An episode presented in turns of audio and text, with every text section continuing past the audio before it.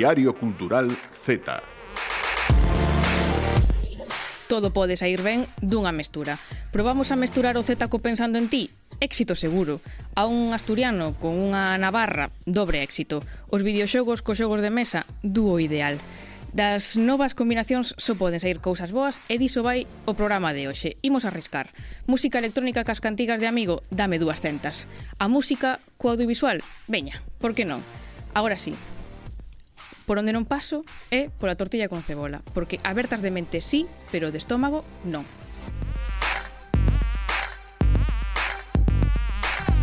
Bos días, boas tardes, boas noites dende o Estudio Multimedia da Radio Galega. Silvia e Marta, Eh, que tal? Un Hola, paso, moi boas. Hola, un paso decisivo para saber se continuades ou non este programa sodes con cebolistas ou sen cebolistas. Silvia, ti primeiro. Eh, mira, eu non teño nada que dicir unha persoa que repudia os no, tomates digas, no, no. polas bebidas. Eh, por suposto, non facía falta sacar esas cousas A tortilla aquí. cómese sempre, con cebola sin ela. Eh, xa está, xa, xa está fora, eh. Ainda por encima, Vais como humillación moi fuerte. Okay. Eu veño che dar unha alegría, eu son sin cebolista. O sea, se a teño que comer con cebola, vale, pero non me, non me presta. Nunca eh. me sempre fallas, sen ela. Claro, que se non eso repite moito, nada, nada. Quita. Quita. A ver, xa podes traer que? un bo tema hoxe para compensar o que acabas de facer. Mm, pois sí, porque ti non estabas o día que falamos daquela creadora de contido en Valencia que mesturaba Bad Bunny con libros, así que hoxe ah, traemos xa no, en exclusiva para ti. Non, non estabas. Ah, vale, vale. Estabas de vacacións, de esparcimento, que, que sí, está ben, está pero hoxe Marta Meneu virá a falar con nós. Valo disfrutar un montón porque Marta é increíble. O sea, ah, aquel día flipamos escoitando todo o que facían redes me parece. Xa, xa. O día que non veño, flipades con todo. E logo xa... Flipamos con Z. Flipa. Por favor. E se falamos de mesturas, hoxe tamén mesturamos nos sí, videoxogos. imos mesturar videoxogos con cacas artes audiovisuais. Non lle quero quitar o posto a nadie, por suposto, porque non van a ir por aí os derroteiros. Falamos de Jesús, verdad? Claro, claro, sí. que está por aí pero no, eh, simplemente imos falar daquelas películas baseadas en videoxogos, desos videoxogos baseados en películas ou, ou, ou series, que aí hai unha mistura de todo. Maravilloso. Iso vai ser na segunda parte do programa, porque agora comezamos con música e con audiovisual, que son dúas artes que casan moi ben xuntas, como nos van demostrar a Alex Gándara e Jesús Silva. Yeah!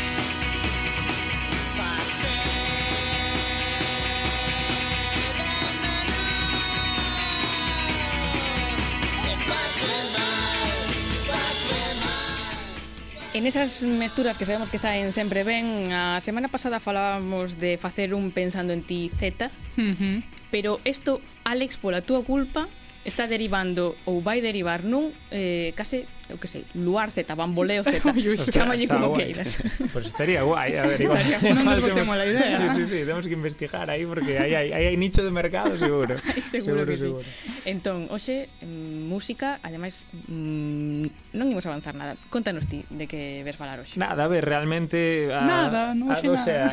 A, a xente, pouca cousa. A xente que trae hoxe pouca, pouca pre nah. presentación necesita porque realmente son dos, dos dúos, unhas propostas musicais emerxentes actrices máis, mm, bueno, recoñecidas, digamos, dos últimos anos, non? Eh, aválanos eh, máis de 100 concertos desde 2019 que empezaron con toda a que caíu que, que non é nada fácil, non?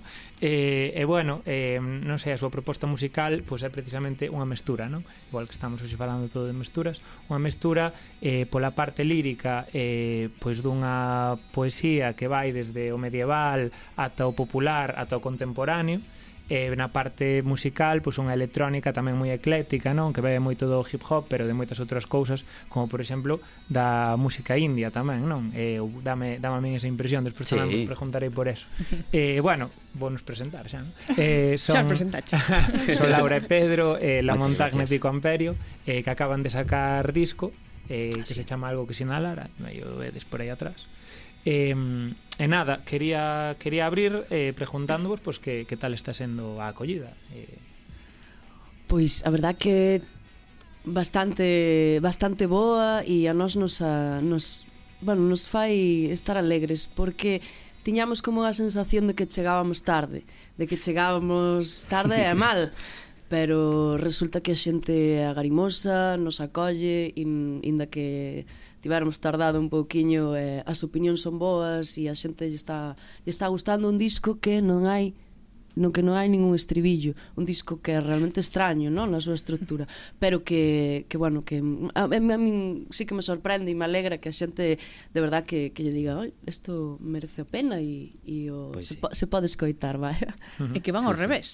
Efectivamente, Van ao revés. Ao revés do mundo. Eh... Un pouco. Bueno, que xurdiu así un pouco tamén o proxecto. Ao final todo ten un pouco a súa explicación porque nós nos coñecimos e tres semanas despois estábamos facendo xa un bolo e entón foi como, non sei, o proxecto naceu no escenario e incluso a nosa amizade, o noso nos ocurro en común e entonces claro, despois eh, plantexar eso no disco, pois pues sí que foi un proceso máis máis máis difícil, pero bueno, mm. aí está. Aí sí. está. O, o da falta de estribillos supoño que ven tamén en parte eh, pois do material co que, co que traballades, non? Eh, non sei se Martín Kodax, claro, sabía que era un estribillo, non? Pero sabía que era un retrouso, eh? Cuidado porque sí que había... Hai... Claro. Sí, as estruturas de claro. repetición son de outra forma, non? Pero igual non uh -huh. un pouco máis afastadas do que a día de hoxe. Claro, do que pode ser pois, unha canción bueno... como a coñecemos que te repite aí ao final, o estribillo, que seña porque realmente este disco ten moi ten moito texto literario. Hai moita cousa aí de de traballo bibliográfico, a mí me parece. Sí. Tiña un pouco a teima.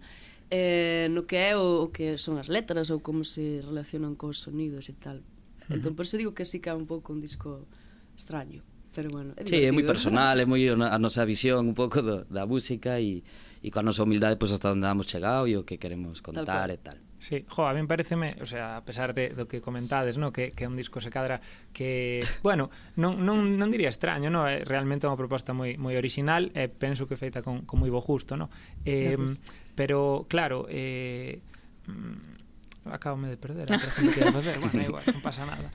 Eh, nada, eu quería vos preguntar eh, pois mm, Bueno, antes de nada vamos a escoitalo casi, porque senón vou me perder máis. Sí, entón se non vou, me recompoñar. Se non, vamos, vamos se non sabemos de que está falando.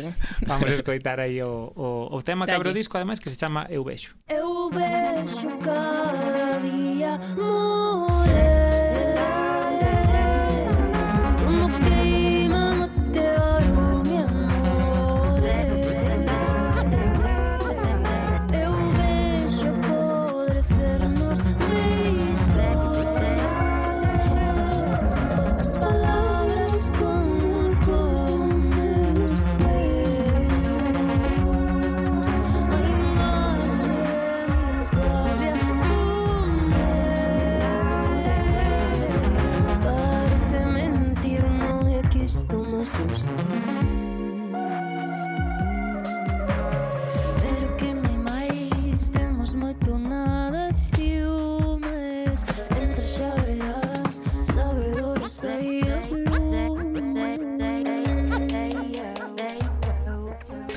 de extrañezas, non vexo nada raro bueno, así a priori, eh?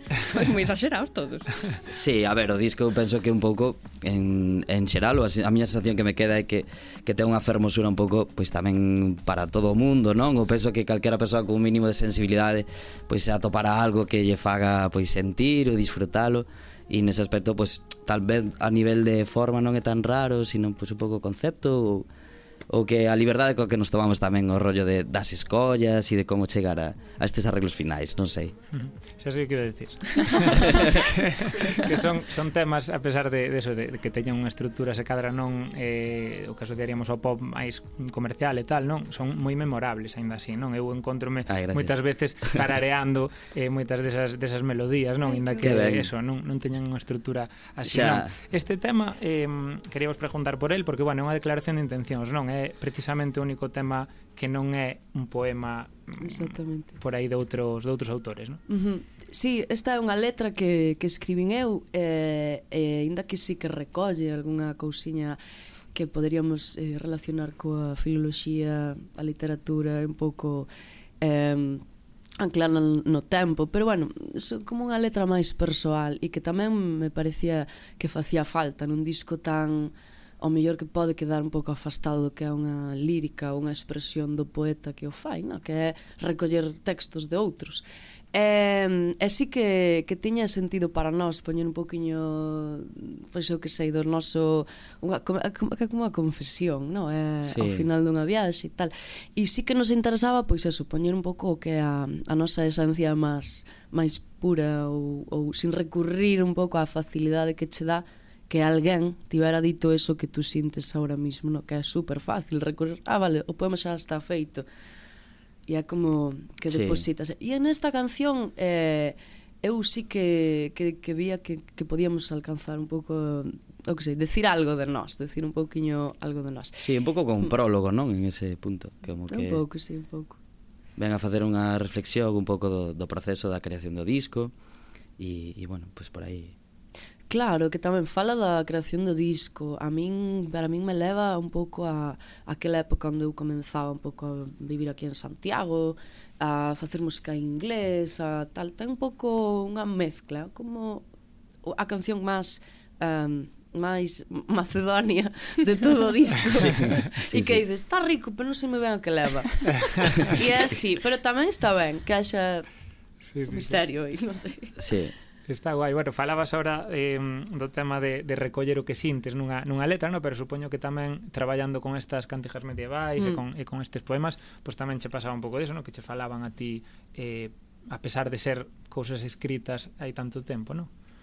que si me dices si empatizaba eu un pouco con esa sí, mensaxe claro. tal. Sí, porque ao final as cantigas, inda que, bueno, algunhas cantigas medievais, eh, o que aportan é coñecemento, digamos, universal. Uh un pouco que podría pasar aquí ou podría pasar na esquina antagónica do mundo. E que bañaremos nas ondas, ali onde a xamar. podes te bañar, entón iso é universal. Exactamente, claro. E é o, o sentido oculto de bañaremos é o despertar eh, digamos, sexual. Vale, pois pues iso onde ah. non, eso onde non pasa. vale, vale. Ahí estamos claro, pero a parte da parte do literal bueno, que todo que, ten moitas lecturas, claro. Claro, como que as cantigas eh, medievais teñen un pouco esa teima, no, de avisar, de ter aí un pouco eso como slogans, non, de a sabiduría universal. Por eso está, porque no mundo, por eso está ondas que teñen esa carga tan de de mm, de que todo o mundo comparte esas, esas cousas.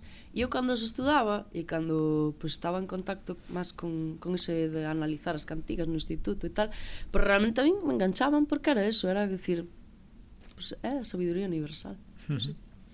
eh, bueno, non sei como mm, traballastes os temas, por exemplo, despois de despois de 100 concertos que levades, non? sí. Eh, máis ou menos o repertorio un pouco eh, o mesmo que, sí, que, que facía nos directos, non? E, e non sei que, que vai a topar alguén que escoite este disco agora, que igual xa vos vira en directo, non? Que, vale. que lle, como, como traballaste esos temas? Sí, o punto é que os temas, claro, eh, veñen dun, dun momento anterior a, a nos coñecernos, non? entonces nese primeiro momento onde Laura os descubre e empeza a traballalos, pois eh, tiña unha forma ou foron collendo, se foron desarrollando dunha forma que o día no que pasan a ser como unha, unha unión dos dous nosos mundos, pois eh, aí empeza un momento onde as idas van xurdindo de parte dos dous e como levar eso directo pois eh, foise desarrollando. Sí que é certo que tuvemos nesas tres semanas que vos decía eh, anteriores a ese primeiro concerto foi como unha carreira contra reloxo de preparar o bolo pero sí que é certo que logo neses ten concertos nestes tres anos de vida pois en cada directo, en cada experiencia de ensaio en cada movida pois foron xurdindo novas novas formas de ver os temas e en concreto que se vai a topar a xente con este disco pois é un arreglo un pouco elevado á sublimación que nos creíamos do eso do que podía ser os temas, non do pois un arreglo con todos os seus detalliños, os seus momentos. Sí, como... E sacándolle brillo a todo a todo o que creíamos que podía telo como a conclusión sonora despois de tanto feito, de tanto dado, de tantos, bueno, de tantas conclusións sacadas, queríamos poñelo todo no disco e leválo a como algo grandioso e tal. E bueno, pois pues aí estivamos traballando moitas voces, moitos coros, arreglos que ti fixeche, fixeche que no directo antes non estaban, agora vanse implementando. Sí. Son cancións maduras as do disco, eh, están recocidas. Pero ricas, sí, sí, ricas. Sí, no, no, dou fe de que, dou fe de que están ricas. Vale, Eu digo, chegados a este punto, nos queremos escutar máis, E xa que o disco foi nacendo nos directos sí. Aí pouco a pouco Aí fermentación lenta que nos gusta Como na pizza, igual na, na música Como na cebolla da tortilla No, esa, eso no. esa non, que non poche Temos aí unha mesa maravillosa Veña. Toda vosa que vos, Pois moitas grazas polo convite, claro Que nos ides tocar? Imos tocar eh, Avelaneiras Frolidas? Repite. Eh, no. A mí tenesme que, que pagar máis. Mellor escoitámolo. Sí, a Belaneiras Frolidas. E eh, moitas grazas por vir e por tocar. Gracias, a vos por la invitación. E hasta sempre.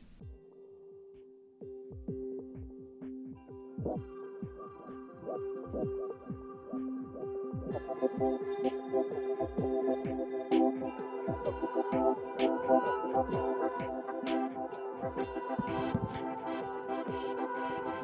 Bailemos nós a todas três amigas.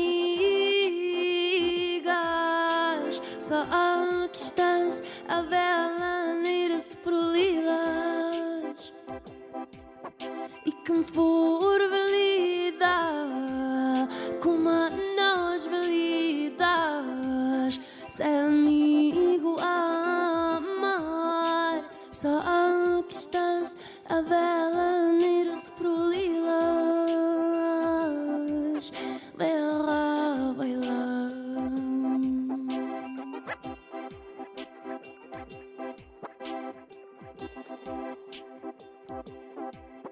Bailemos nós a todas três a irmãs. Só aqui este ramo destas avelãs. E quem for louçana, como a nós louçanas, se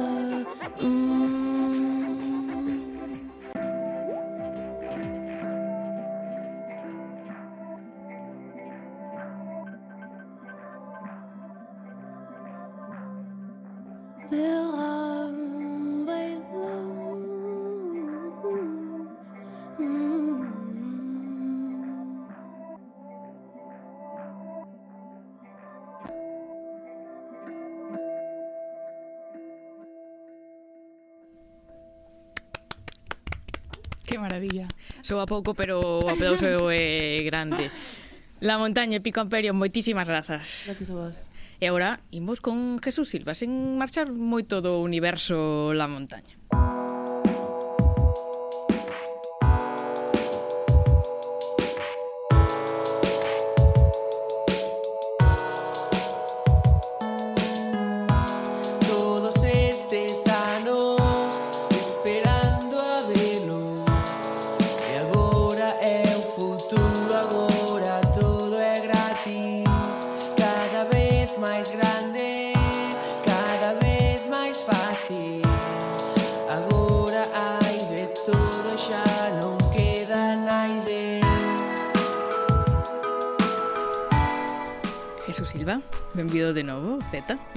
buenas, encantado de estar de volta por fin presencialmente. Teño que dicir unha cousa antes de comezar, eh, tortilla con cebola sempre. Eh, eh, sempre, sei. sempre... Uximos buscando novos colaboradores, por favor. no, explícome, explícome. Sempre a prol de experimentar, de mesturar, eh, esa mesa é o tema do, do programa de hoxe. Eu hai un par de semanas, na miña última intervención, falábamos precisamente da confluencia entre eh, diferentes disciplinas artísticas, ¿no? lembrando que, que son absolutamente permeables entre sí, e hoxe imos seguir afondando de algún xeito nesta idea, a través do que poderíamos considerar un dos principais puntos de encontro entre a música e o audiovisual, como son os videoclips. Oxe, non veño meter no traballo de ninguén Xa vedes que eh, Alex e eu planeamos Esta especie de, de díptico xuntos Entre as Muy nosas seccións Claro, sí, para, sí, para sí. aproveitar as relacións existentes xa eh, no, no panorama galego Eh, pareceme moi ben que vos coordinedes eh, o do da cebola discutimos noutro momento. Entón, xa que viñeron aquí eh, este dúo magnífico tocarnos unha peza, falar do seu, da súa música podemos seguir tirando do fío. Co correcto, correcto, eso vimos. Eh, Acabamos de escoitar eh, a Laura e a Pedro Que veñen de presentar o seu último disco E que nas últimas semanas amosaron xa varios dos videoclips Que acompañan algunhas das pezas de, deste novo álbum. Pois ben, a artífice dunha destas pezas é precisamente a nosa convidada da sección audiovisual, é Alba Domínguez, realizadora e montadora con ampla experiencia neste formato e que, curiosamente, tamén ten traballado moito alrededor do son, que é un apartado moitas veces desatendido ou subestimado eh, dentro da creación audiovisual, a pesar da súa importancia fundamental. Moi boa, Salva, moitas grazas por vir. Hola, que tal? Grazas. Grazas a vos. Eu, como sempre, deixo que Lucía faga primeiro as presentacións institucionais. Prepárate. que teño que, teño que sempre limpar a voz porque estes currículums que me mandan aquí, xa sabemos. Alba Veña. Domínguez Serén nace en Meaño no ano 1997, gradúase en Comunicación Audiovisual na Universidade de Vigo e durante a súa estadía Erasmus en Lisboa especialízase en montaxe cinematográfica. Actualmente está a completar a súa formación no ciclo superior de SOM para audiovisuais e espectáculos, tendo realizado traballos como son en directo da curta documental Os Corpos de Eloi Domínguez Serén, son meus apelitos, ou o deseño sonoro de varias curtas experimentais. A través da súa conexión coa música e a súa formación neste eido, participou na creación de varios videoclips para artistas galegos como Berto ou xa mencionados Laura en la Montaña e Pico Imperio, pros que dirixiu o vídeo de Bañarémonos nas ondas. Chan, chan, chan. Chin, chin. Pois nada, hoxe imos comezar polo, polo final, precisamente, polo, polos videoclips e o traballo con, con Laura e con Pedro. Eu queria saber, en primeiro lugar, eh, que hai no formato eh, videoclip, digamos, que, que che atrae eh, dentro do dentro do visual por que eh, enfocarte nese, nese formato? Que o que te aporte? Que ten de especial para ti? Eh, de especial ten moitísimas cousas eh, sobre todo a primeira é a relación que sempre tiven coa música creo. Eh, eu formeime dende pequena en, en linguas musical e violonchelo pero mm, sobre todo cando cando cheguei a, a ese As Erasmus en Lisboa descubrín, descubrín os videoclips. Nunca tiña participado en ningún, nunca tiña realizado ningún e, e namorei. Namorei sobre todo porque mm, formalmente e na montaxe e na edición ten moitísimas moitísimas posibilidades. Moi a liberdade, non, do formato. Sí, a, a liberdade, a flexibilidade e ao final é, é moi interesante porque cada proxecto é un mundo totalmente diferente, traballas, son outros procesos, son outros tempos e, e cada vez que, que te enfrentas a un videoclip eh, non partes de cero, vamos. Pois imos falar se queres do caso concreto de Bañarémonos nas ondas, o traballo que fixeches con, con Laura e con Pedro. Contanos un pouco cal foi a orixe da idea, como traballache de xuntos para chegar para chegar a ese punto. Xo sei eu, o despertar sexual. Spoiler. Contenta, Lucía, no... Spoileámolo, sí, sí, sí. Deixes entrever un pouco no videoclip tamén. Eh, nada, Laura e Pedro... Eh, Está moi guai porque eh, descubrímonos mutuamente ou, ou grazas a Espazo Bretema, que é unha, unha asociación pro da difusión de artistas galegos, eh, e nada, eh, escoitei a canción, e empezamos un pouco a traballar xuntos. Sempre dependen os proxectos da implicación creativa que queiran os, os grupos en cuestión. Neste caso, sí que traballamos moi, moi man a man Sobre todo, eh, o que tiña de especial esta, esta canción era, bueno, pues, un pouco como, como mencionaba antes Alex, tiña outras estructuras, eh, estribillos, a letra... Mm, entón, traballar con eles foi como moi importante, determinante, para entender un pouco a, a evolución que iba a ter a sobre todo.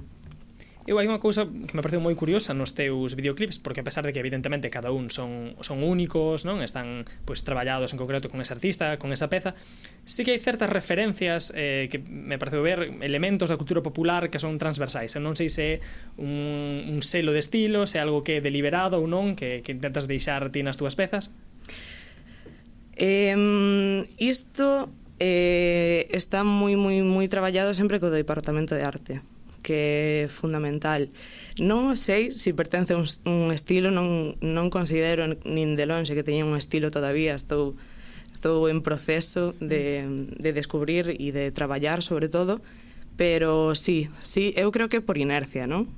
Eh, por xera, é xeracional é, é un pouco xeracional tamén introducir como ese tipo de, de elementos e sobre todo iso, fundamental o traballo da arte que é moi, moi, moi importante sobre todo e nos videoclips aínda máis Pois outro aspecto importantísimo, como falábamos, non? Eh, xa sabemos, audiovisual, mm, en principio, non? Eh, falamos de 50% imaxe, 50% son, pero é verdade que esta segunda parte moitas veces, por desgracia, está desatendida e ti, sen embargo, é, é un dos aspectos nos que máis te estás enfocando e tes traballado moito eh, en pezas pois, de tipo documental, curtametraxes, incluso do, eh, documentais, sí?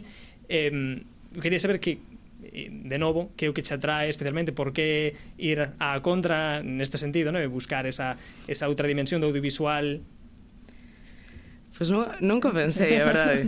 eh, non o sei, son sempre... Iso, supoño que ven tamén da música. Eh, o son sempre me chamou moitísima atención. Creo que fundamental, determinante, tanto narrativamente como para construir os ambientes de todo tipo de, de produccións e de produtos e, e, e é un traballo moi moi laborioso, que ten moitas capas, pero é moi interesante e, e, e dallo, pode lle dar unha volta de 180 grados a, a súa presencia. Cal, cal é agora a, a idea? Seguir explorando, vas a seguir traballando en paralelo estas, estes dous formatos, tanto o son como os videoclips, hai algunha outra porta que, que queras abrir, algún outro campo a explorar? Eh, bueno, eh, son bastantes. Sí, entre a, entre a montaxe, a, o son e os videoclips é, é bastante. Pero bueno, todos creo que... Que bueno, eh, mm, eu aspiro a, a traballar en cinema, sobre todo. Se algún día tes eh, che falta axuda co son, aquí Silvia é experta en Tascam. Aí estamos sacando os trapos sucios. A punto, eh? Non me esquezo. a mala si tives, eh, Alba. A mala si tives. eh, segues tamén traballando en máis eh, videoclips. Mm, podemos falar, por exemplo, do de o que do medio no que estás eh, traballando, non sei se podes sí. contar algo. Sí, eh, de feito presentámolo a fin de semana pasada, pero bueno, está pendente aínda de unhas cousiñas para poder publicalo. E, e mm, nada, eh, o de Uquestra é eh, unha peza filmada en 16 milímetros que nos fai como moita ilusión a todo o equipo porque eran como as primeiras, os primeiros contactos eh, traballamos cun actor co que eu xa tiña traballado noutros videoclips e, e mm, nada, estou, estamos toda a equipa desexando que, que saia para que podades disfrutar tanto como nós e che tiven a sorte de velo en primicia, quero decir que precisamente conecte con esa, con esa outra pregunta que lle fixen, esos elementos que vemos repetidos en varios videoclips, tanto personaxes, neste caso actores, como esos elementos do departamento de arte, esos aspectos visuais que eu penso que sí, ainda que ela non o note, que sí que auguran un estilo que veremos eh, de seguro repetido en, nas próximas obras, no cinema cando chegue tamén. De momento nada, desexarlle por nosa parte a mellor das sortes, que a, co, cos estudos, cos proxectos, e e agardamos tela de volta máis cedo que, que tarde. Moitísimas grazas. E aquí tes Unha tasca. Mm, bueno. Dúas actrices pa, de fondo. Cantantes ah, ah tamén, se queres. Eh, non entremos nese terreo porque sí. ti e eu cantamos eh, en un momento determinado perfecto. e a mí que non saiba hai probas, no, no. hai probas. Hai probas. Pero quedarán ocultas. Sonoras. Eu no apunto, eh. Vos, non eh, digo. E eh, aquí temos ritmo maravilloso tamén para gravar videoclips. Mm, polos corredores desde aquí, un videoclip de medo. maravilloso. Vai, Moitas grazas, Alba. Grazas a vos. E moitas grazas, Jesús. Un placer. Vémonos na próxima. Será tan breu que esque quedarem amb les ganes de congelar el present. Serà tan curt, efímer i momentani. En Otro mes que tornarem. I tot és tan inestable, sembla màgic per moments. L'espectacle que esperàvem i que sempre ens ha sorprès. Tu li dius la Golden Hour i poses accent anglès, però mai vas acceptar-me que ara hablava molt a més. El sol s'amaga... Da música temos no programa de hoxe. Sí, e hoxe mm, cambiamos a sintonía. Onde está a Novedades Carmiña? Volverán a Novedades Carmiña? Bueno, onde están? Esa é a pregunta, Onde verdade? están? No, no, volver, volverán aquí, porque Todo o mundo quere que volvan. volver. É unha ferida aberta. Non van volver. Pero non volver. No. a mudanza de sintonía é temporal, porque xa sabedes que aquí no Z collemos o gusto a isto de descubrir e recomendar artistas e creadoras que empregan outras linguas minorizadas do Estado, así que hoxe antes de presentar a nosa convidada, imos a escoitar algo de música en Valencia. Eles son uh -huh. La Fumiga.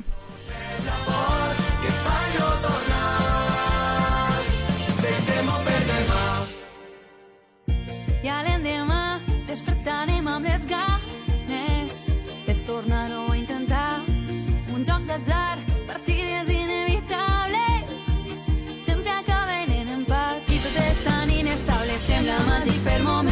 espectacle que espera de mi que sempre ens ha sorprès. Tu li dius la Golden Hour i poses accent anglès, però mai vas accent... Laura Blava, moito mellor que a Golden Hour de toda a vida. Ah, Ay, no, vale, non estaba que, pillando. No, xa te a cara así, un pouco. E di que me está querendo Un pouco decir? perdida. Pero esta música servenos un pouco de contexto, porque, a ver, para facer memoria, ese programa no que Lucía non estaba, estaba espachingada na Moito casa, falamos de vacacións. programa, sí. Lucía, xintes mal. Vos pensades que é o mellor programa da temporada? No, no muller. Menos mal. Sabemos Menos que, mal. además, estabas na casa espachingada, pero escoitando, por suposto, escoitei, escoitei. o Z no teu desfrute de dereitos laborais. eh, naquel programa citamos así brevemente un pouco por riba unha creadora de contido en valenciano que mm, escoitamos un anaquiño daquel vídeo no que lle recomendaba libros de desamor a Bad Bunny, unha pura fantasía. Que eh? nos namorou moitísimo. Sí, eh, tiñámoslo que traer para que ti tamén a coñeceras, Lucía. Gracias. Ela chamase Marta Meneu, é xornalista, youtubeira, podcasteira, ten unha novela publicada que se titula El señal, mil cousas. Fixo esta rapaza. En redes comezou como La prestatgería de Marta, que ven sendo o andel de Marta, porque uh -huh. o que fai sobre todo é contido relacionado cos libros, coa literatura, fai recensións, fai tier lists de libros, relaciona a literatura con política. Tamén fai moitas mesturas que dis vai un pouco o programa de hoxe. Ah, e ten unha columna nun xornal valenciano e a columna puxolle de, de nome fatal, gracias. Me encanta. O sea, son fan. Ten papeletas para caernos ben. Eh, están sí. os zetas conquistando os xornais tradicionais? Mm, gustaríame decir que sí, pero... Mm, pouco a pouco. Sí, Ainda pouco a pouco. Vale. Marta Maneu, como estás? Hola, ¿qué tal? Hola, Marta. Pensei que nos iba a contestar un fatal gracias a, a ese como estás, un pouco decepcionada, a ver, que decir, unha merda, estou unha merda. pero pasamos yo. Chamamos a, a Marta Meneu No. porque queremos coñecer un pouquiño máis do seu traballo en redes, do seu proxecto. Entón, contanos un pouco como naceu la prestatgeria de Marta. Eh, bueno, primer que tot, moltes gràcies per convidar-me. Eh, vaig descobrir el vostre programa quan parlareu de mi i, i jolín, em va encantar. O sigui, tant de bo tinguérem en, en el País Valencià un programa com el vostre. Eh, I bueno, la prestatgeria realment va eixir un poc de, de lo mateix, no? De, sempre he seguit com... O sigui, a mi m'agrada molt llegir. Aleshores, eh, eh, res, eh, seguia com booktubers i youtubers pues, en anglès i en castellà. Eh, seguia, per exemple, també a, a un xic que és galec que es diu Sebas Gemuret, que tenia el Sí. col·leccionista de Mundos, De Lugo, i que també que tenia, tenia vídeos en galec. Sí. I, i que també i vaig veure que ell, per exemple, tenia com el seu canal en castellà i també tenia una secundària en galec. I, i ahí com que jo tenia la mosca de dir, jolín, m'agradaria veure els vídeos eh, sobre llibres que, que veig en YouTube, però també en la meva llengua, no? I també que parlaren d'autors valencians i de, i de lletres valencianes. Aleshores, eh, vaig, vaig estar una temporada esperant i quan vaig veure que ningú ho feia vaig dir, bueno, pues hauré de fer-ho jo i vaig començar un poc així. eu creo que alguén tiña que facelo claro. estaba Marta para crear ese contido en Valencia, igual que nos está falando agora en Valencia, que lle imos pedir que nos fale a modo porque nos imos entender. Sí, eu creo que nos entendemos mm, despacio. Eh, sí, sí, sí. sí. Que, además que agradecemos escutar no, mm, tamén. Encántanos, Así tamén nos aprendemos un poquinho, claro. sempre está ben. Non prometo nada de, de, de aprender algo ao final, pero esforzámonos.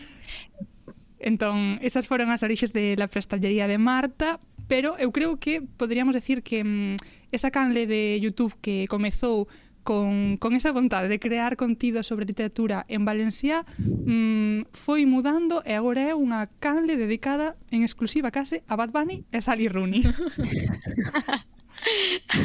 Sí, eh, bueno, jo a vegades quan m'emocione parle molt ràpid. M'ho diu moltíssim. No te preocupes. Si no m'enteneu alguna cosa, m'ho digueu. Eh, sí, o sigui, jo és que sempre he intentat defensar un poc que, que al final un canal de YouTube, per exemple, se diferencia d'un programa de ràdio de tele eh, perquè depèn exclusivament i el 100% de la persona creadora, no? O sigui, dir, eh, jo faig el guió, grave, edite, publique, faig la promo, Aleshores, clar, sempre he intentat com a que la gent tinga present que la prestatgeria és sóc jo, o sea, són els meus gustos, no? Aleshores crec que es nota molt quan en una temporada m'obsessione moltíssim amb Bad Bunny o amb Sally Rooney perquè només parle d'això. Últimament estic obsessionada en Nena da Conte i en Taylor Swift i és que me passa igual, ¿no? Verdad, només parle de Taylor Swift. Creo que escondidos da, da, da túa cal da, pre, la prestatgerí son moi xeracionais porque creo que, que te estamos coitando estamos entendendo tamén un pouco as túas obsesións que tamén van por épocas, todos pasan pasamos por, por isto que estás dicindo. Sí. Sí.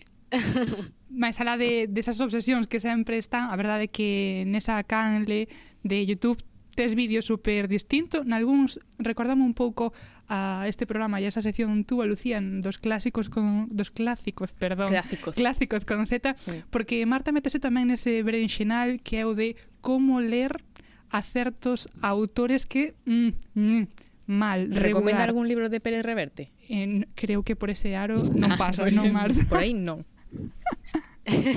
No, no, pero ahí no, pero sí que es de veres que... Bueno, sí que mencione a, a Pérez Reverte en, en un vídeo, perquè és un vídeo que, que parla sobre llegir fatxes, no? I, o sea, fatxes, fatxes, persones de dretes. eh, um, perquè sí que és de veres que és un poc el que estàveu dient, que eh, intente com adaptar-me un poc, o sigui, jo sempre he tingut l'obsessió de... He sigut una persona que llig molt, però que els seus amics no llegien, aleshores no tenia ningú en qui compartir. Pues, igual que quan t'agrada una sèrie i necessites comentar-la en algú, pues me passava igual en llibres de, Sally, de Sally Rooney o en Harry Potter i era com no puc. Entonces, sempre he tingut l'obsessió de convèncer a la gent perquè llisca, no? Aleshores, intente buscar com als meus amics, no? o sigui, diguem que el meu públic ideal del meu canal són els meus amics. Entonces, eh, jo pense, a veure, de quina manera puc fer que esta gent... claro, jo crec que li passa un poc a tot el món, però sempre pense de quina manera puc fer que a esta gent li interesse este llibre o este còmic. I pues, intente mirar això, no? coses de la nostra generació, pues, debates que se donen, eh, coses així, i, i per ahí intento enganxar un poc, no? I un dia vaig parlar de, del dilema este de la cultura de la cancel·lació pues, en Twitter i en xarxes i de, i de com ha- tenim a molta gent, pues, per exemple, Pérez Reverte està com cancel·lat entre la gent de la nostra generació, però també passa, ha passat esta setmana amb Pablo Motos, no? I, i és un poc això, però bueno, d'eixa manera intente com recomanar després llibres de, bueno, mira, esta gent té, té llibres, o si no vos agrada esta gent, pues teniu llibres que no són d'esta gent i que també parlen d'este tema. No sé, intento un poc convèncer a la gent de que llisca. Pois a xeito de exemplo ou de proba dese mm, polémico vídeo sobre ler fachas, este naquiño. Imos a escoitar. Aleshores, jo vos poso en context, ¿vale? El Michel Houellebecq este és un senyor francès. Va llegir primer Serotonina, que teniu ressenya al canal, per cert, i després va llegir Les partícules elementales. A mi, aquestes històries, realment tinc molt bon record d'haver-les llegit. Tracta el sexe d'una manera on la dona està ultrasexualitzada i ultrasubordinada a l'home. És una persona molt reaccionària, que pensa que sempre té un puntillo nostàlgic amb lo que era el passat. I era com, yo le he comprado libros a este señor. Bueno, en realidad no, perquè me'ls va deixar el meu noviete de entonces. Así que yo no paga res, pero bueno. Mellor non pagar. Mellor non pagar para non, a, para non arrepentirse. Marta Meneu, aparte de ter la prestallería, tamén está metida en outros proxectos, como o podcast de Parquineo. Escoitamos. La valencianeta que moderna está Mou el bullate, mou el balú Ora feliz, que poca broma, en tot lo que s'ha de parlar de Parquineo, les tremendes xapes que se donen, se podria fer un podcast. Cantera, caula para. Pulquero, tigre sempre. Hola, nosaltres som Maria de Besa. Hola. Carmen Alonso. Oli. I jo, Marta Meneu. I així vos donarem les xapes que pel Covid vos heu perdut de parquineu. Marta, explícanos porfa qué es ese concepto de parquineo. Sí. Eh, bueno, la, la música que estàveu escoltant és la nostra capçalera, Mm. que és d'un altre grup valencià. Abans heu posat a la Fúmiga i estes són Malux. Eh, Malux és com eh, muslo en castellà. I són tres xiques que, que estan superguais, o sigui, tenen música molt guai. I de parquineo és una cosa com bueno, no sé, ja no va dir molt valenciana, no ho sé. Realment és... Eh, sabeu quan aneu de festa pues, a una discoteca o a un concert i, i fas com el botellón d'abans o, o el, el moment este d'abans d'entrar. sí. Exacte, la prèvia. Eh, I pues, a veure, que pots fer-la, pues, per exemple, jo si en València la faig a lo millor en el passeig marítim, però de vegades es fa també pues, en, el, en el pàrquing on has deixat el cotxe, pues, en el cotxe, no? I pues, de ahí, de estar en el coche en el parking, es de estar de parquineo, ¿no? Que al final es estar como en un descampat o en un parking, en el coche posant música y pues beben en gent. No és més. E eh, falando de temas tan variados como os que falades neste podcast, pois pues ven de sexo, sexualidade, de ser guapas e como xestionamos ser guapas, feas, como nos aproveitamos diso, de feminismo, de comunicación, falades dunha chea de cousas. Sí, o sigui, al final de, de este concepte de parquineo, ¿no? de estar ahí de, pues, de botellón con gente, eh, com a que a, a nosaltres ens passa, o sea, al final el podcast el faig amb Carmen i Maria, que són dos amigues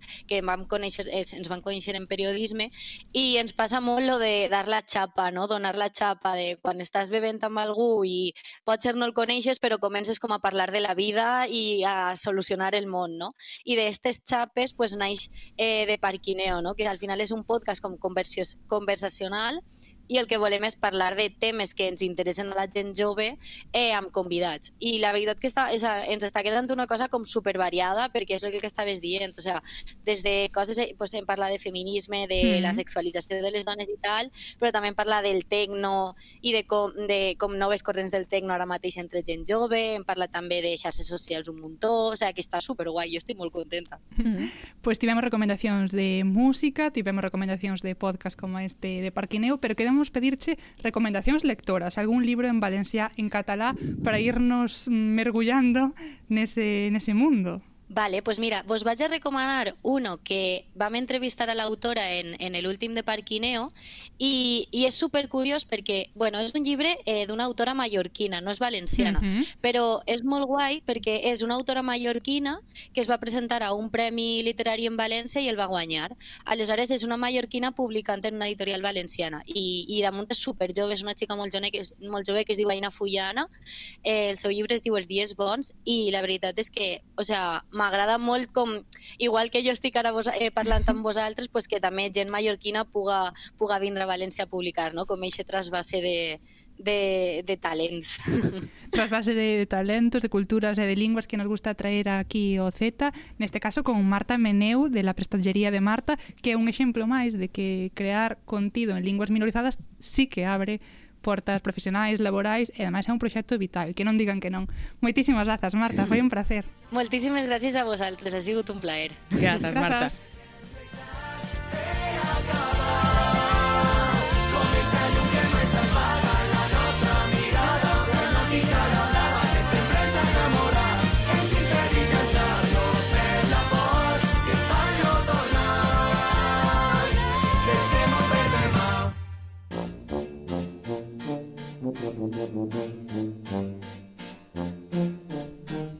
Que presión. Por que? Sinto moita presión.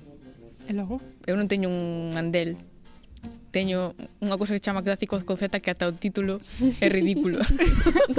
Pensei que non chegaría nunca momento no que recoñecerías eso, Lucía. Pero o ridículo tamén tamén fai gracia, sí. tamén gusta. O sea, eu a favor dese título. Eh? Claro. Eh? As risas que nos trae, que? Eso non a mí pasa un pouco como a Marta, que eu recomendo aquí cousas como a Marta Meneu. Meneu Marta o Meneu. Vale. Bueno, a Marta tamén lle pasa un pouco cos videoxogos. Que era sí. fala de videoxogos, ti non lle faz nin caso, non xogas nada. E Marta tamén non tiña con quen falar dos seus libros, porque ninguén sí. os lera. E a mí pasa o mesmo. Entón ves nos dar a chapa neste caso a nós. Sí, pero xe creo que traio unha cousa que ao mellor non leche deso que é así o concepto de libro sí. eh, eh, en sí, pero algunha cousa, porque quen non leu algunha vez unha tira cómica de Snoopy. Hmm. Snoopy, moi guai. Unha, ainda que sexa unha viñeta, sí, non? unha viñeta. Ou a compartiches así en plan por Instagram. Mira que frase máis guai. no, sí, sí, sí, sí, temos leído. Eu xa máis de, de cativo que agora, pero... Claro, é que pode ser Z, pero é xa que nos ven acompañando toda a vida, non? Claro, entón, cando claro. é Z, pois pues, síguelo lendo porque che traes recordos ao mellor da infancia. A nostalgia. A nostalgia, mm. sí. A Outro nostalgia tema, moi, eh? É moi mala esa, esa nostalgia, é moi mala. Pero sí, hoxe nos clásicos traio ademais un dos meus formatos favoritos, que este da tira cómica, que é un formato mm, que é basicamente arte de condensar en tres ou catro viñetas pois en, en horizontal unha historia. Isto é dificilísimo, porque hai, hai que ter moita precisión co debuxo, co texto, ten que complementarse ben um, as viñetas entre sí para que dende a primeira vai transcurrindo a historia. Cando chegas á última o mellor riste Mm. O mellor, mm, eu que sei, emocionaste. Todo está nesa tensión narrativa entre tres ou sí. catro viñetas. Ten a súa ciencia. Ten a súa ciencia, sí. É, é moi complicado.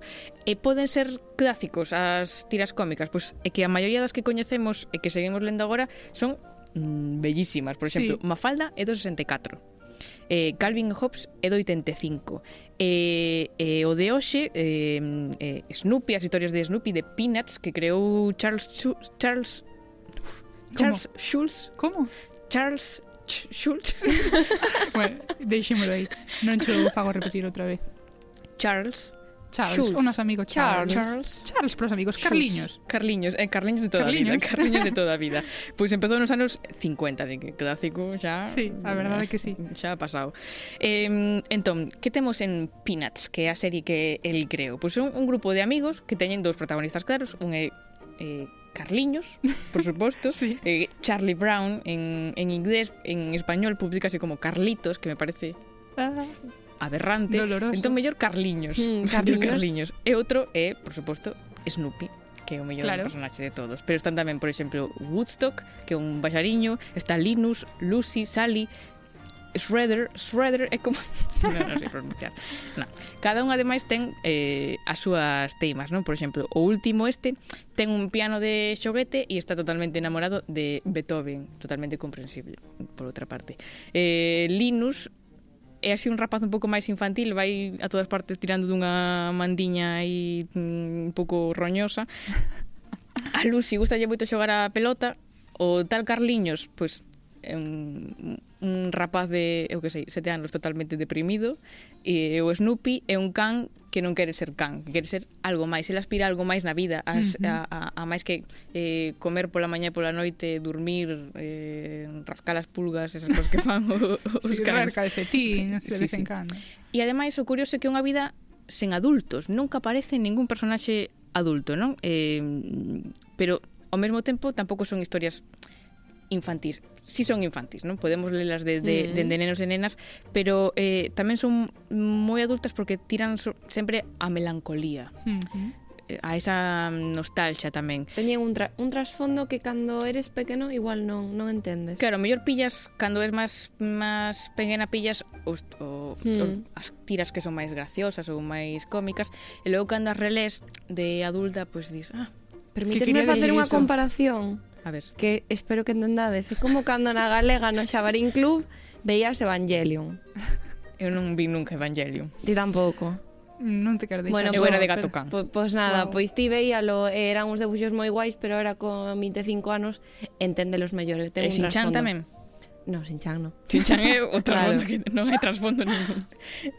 E que pasa tamén con Snoopy? Que o mellor non lechedes unha tira cómica nunca de Snoopy, pero coñecémolo, porque sí. está mm, en todas en partes. Em, o primeiro paso para esta mm, fama que colleu Snoopy foi un programa de televisión, un especial de Nadal, en 1965, que se chamaba A Charlie Brown Christmas, eh, que, que, que se converteu casi en tradición cada ano na televisión americana, e de aí pasamos a outras disciplinas. Por exemplo, a música, porque Peanuts aí onde está é moi influente no mundo do jazz, porque eses especiais de Nadal iban acompañados da música de Vince Guaraldi, que é un pianista de, de jazz, e máis alá, porque mm, Snoopy, por exemplo, foi nos uniformes dos militares na guerra de Vietnam, dos militares americanos, uh.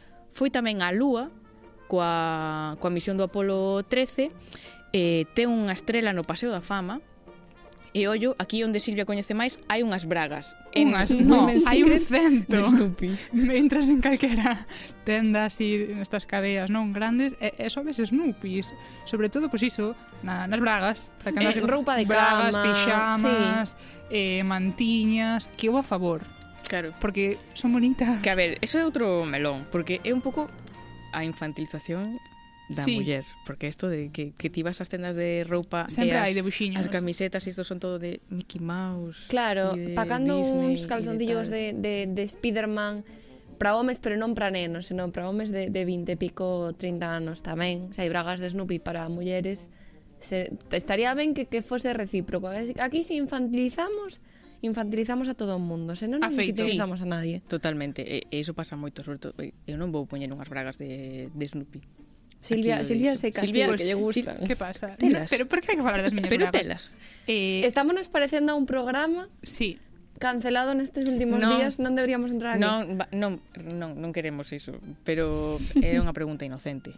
É, é, é curiosidade, non? Xa non, pero sí, vale. tiña unhas. Nada, non pasa nada, non pasa nada. No, eh, xa, aínda que pasara. Entón, como desde aquí tampouco queremos facer publicidade a marcas de roupa nin de nada diso, non merquedes bragas, mercade os libros de Snoopy, que son moi bonitos. A ver. Que?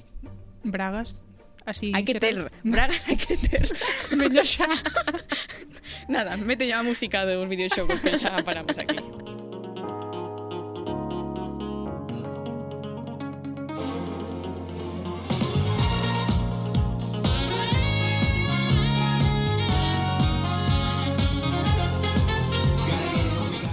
Hai videoxogo de Snoopy? Pois es no, consciente disso? Pois non, non sei, vou no, no consultar e eh, para a semana dou vos unha, vale. unha resposta ahora tamén teño eu curiosidade, pero segurísimo que sí porque Snoopy hai un montón de cousas, Hai de non? todo. Ainda que sexa un do, de móvil, non? Claro, non, cousa. que a ver, ten que haber, mirarei, mirarei. Eu hoxe veño a falar, eh, como sempre di Jesús aquí, vimos a, a meternos nas disciplinas de outros, non? Entonces, sí. eu non quero meterme na del porque non sei tanto, nin aspiro a saber tanto como a él, pero sí quero falar de, dunha relación estreita que gardan os videoxogos, cas películas e cas series. Que eu non veño a decir que as películas baseadas en videoxogos sean boas ni moito menos, que sexa cuestión de cada un, pero bueno, que tamén reivindico o dereito a ver cousas que sean malas simplemente porque che gusten. Entonces non vamos a entrar aquí.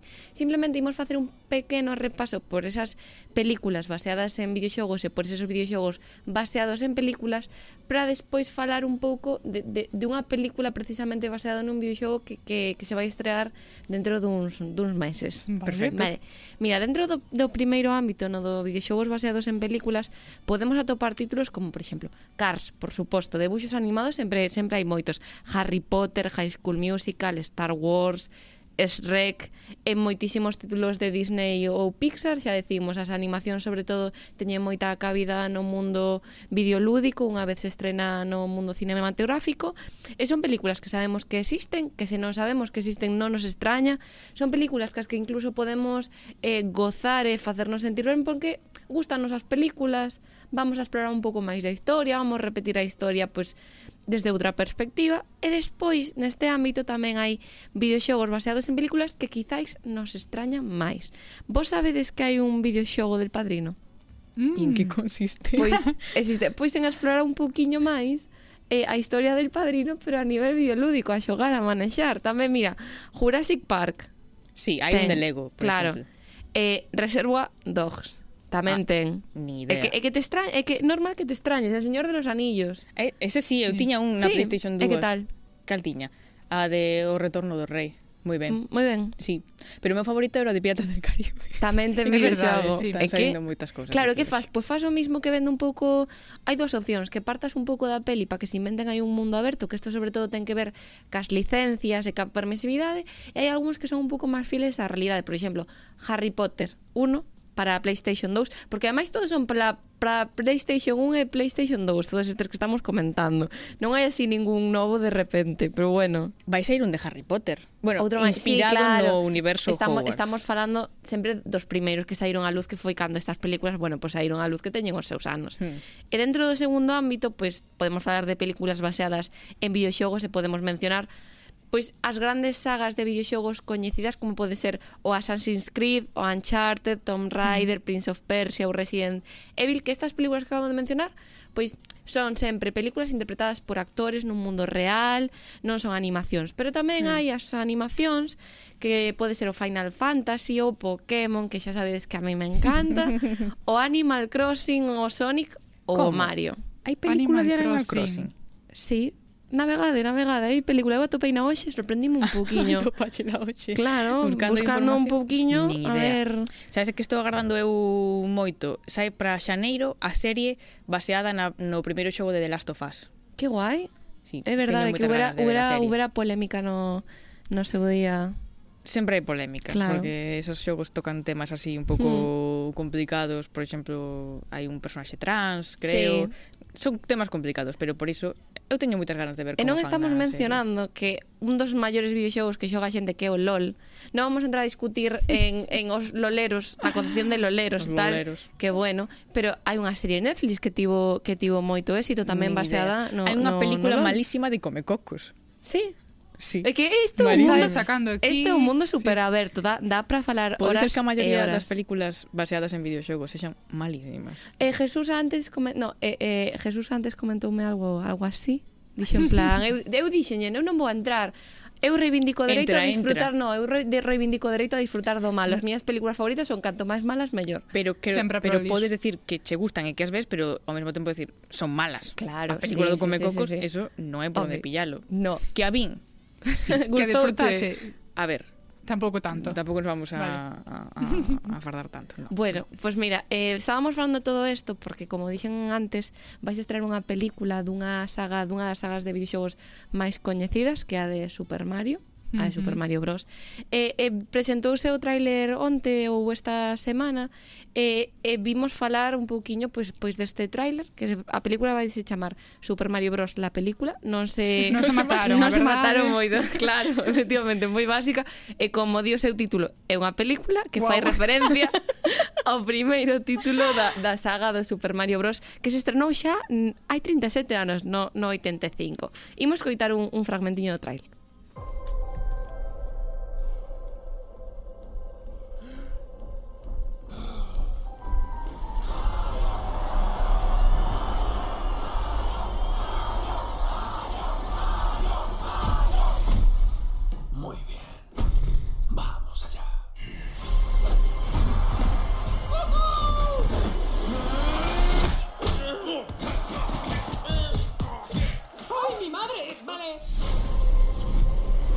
No sé si sabes quién soy, pero estoy a punto de dominar el mundo. Hola. Eh, bien. Pero hay un problema. Hay un humano que lleva bigote, igual que tú. ¿Te crees que conozco a todos los humanos que llevan bigote y un traje idéntico al mío, además de una gorra con la inicial de su nombre? Porque para nada. Bowser se acerca. Pero juntos vamos a detener a ese monstruo. ¿Cómo? Pois antes de nada eu non vou entrar en se vai ser boa ou mala Parece entretida A única crítica que lle podo facer é Esa voz grave de Mario Que foi o primeiro que escoitamos En que momento? Porque pasa de falar nun italiano así super finiño a, a falar así en plan super... Como outro día cando fixemos de actrices Claro, sí, claro, un pouco, claro, un pouco claro eso. no, no, no. Que podemos comentar? Pois que é unha película que vai contar a historia completa do noso superheroe Precisamente vai a estar cargada de moitas referencias a estos máis de 30 segundos sete anos de, de, de videoxogos nun mundo moi amplo porque porque van a aparecer, por exemplo, personaxes de antes incluso que como pode ser Spike que era o xefe de, de Mario e Luigi no primeiro videoxogo no que apareceron que foi o Breaking Crew.